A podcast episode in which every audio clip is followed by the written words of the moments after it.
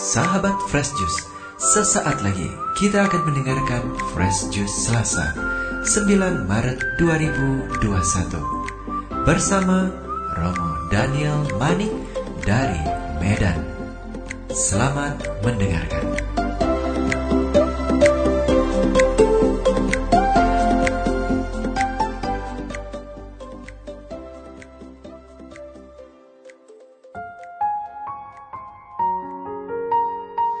Salam fresh juice dan salam sehat. Hari ini kita bertemu lagi dalam permenungan fresh juice. Kita akan merenungkan bacaan pada hari ini yang kita ambil dari Injil Matius bab 18 ayat 22 sampai 35. Kemudian datanglah Petrus dan berkata kepada Yesus, Tuhan, sampai berapa kali aku harus mengampuni saudaraku jika ia berbuat dosa terhadap aku? Sampai tujuh kali? Yesus berkata kepadanya, Bukan, aku berkata kepadamu, bukan sampai tujuh kali, melainkan sampai tujuh puluh kali tujuh kali. Sebab hal kerajaan surga seumpama seorang raja yang hendak mengadakan perhitungan dengan hamba-hambanya. Setelah ia mulai mengadakan perhitungan itu, dihadapkanlah kepadanya seorang yang berhutang sepuluh ribu talenta. Tetapi karena orang itu tidak mampu melunaskan hutangnya, raja itu memerintahkan supaya ia dijual beserta anak, istrinya, dan segala miliknya untuk membayar hutangnya. Maka sujudlah hamba itu menyembah dia, katanya. Sabarlah dahulu, segala hutangku akan kulunaskan. Lalu tergeraklah hati raja itu oleh belas kasihan akan hamba itu. Sehingga ia membebaskannya dan menghapuskan hutangnya. Tetapi ketika hamba itu keluar, ia bertemu dengan seorang hamba lain yang berhutang seratus dinar kepadanya. Ia menangkap dan mencekik kawannya itu, katanya. Bayar hutangmu. Maka sujudlah kawannya itu dan memohon kepadanya. Sabarlah dahulu. Hutangku itu akan kulunaskan. Tetapi ia menolak dan menyerahkan kawannya itu ke dalam penjara sampai dilunaskannya hutangnya. Melihat itu, kawan-kawannya yang lain sangat sedih lalu menyampaikan segala yang terjadi kepada tuan mereka. Raja itu menyuruh memanggil orang itu dan berkata kepadanya, Hai hamba yang jahat, seluruh hutangmu telah kuhapuskan, karena engkau memohonkannya kepadaku. Bukankah engkau pun harus mengasihani kawanmu, seperti aku telah mengasihi engkau? Bukankah engkau pun harus mengasihi kawanmu seperti aku telah mengasihi engkau? Maka marah tuannya itu dan menyerahkannya kepada Algojo-Algojo sampai ia melunaskan seluruh hutangnya. Maka Bapakku yang di surga akan berbuat demikian juga terhadap kamu. Apabila kamu masing-masing tidak mengampuni saudaramu dengan segenap hatimu. Demikianlah Injil Tuhan. Terpujilah Kristus.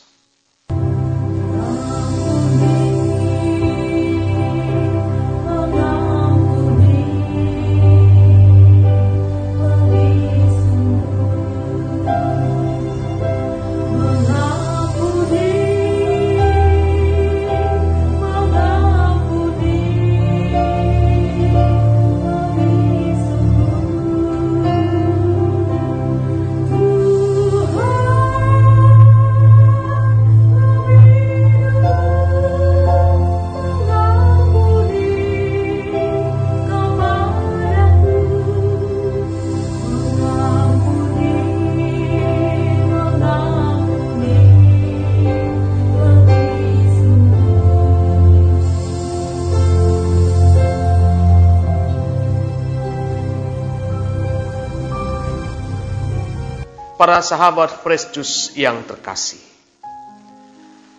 lagu mengampuni sangat mudah untuk dinyanyikan. Lagu yang sangat sederhana, kata-katanya mudah untuk diingat dan mudah juga untuk dipelajari. Apakah semudah itu juga untuk melakukannya di dalam hidup kita? Tunggu dulu.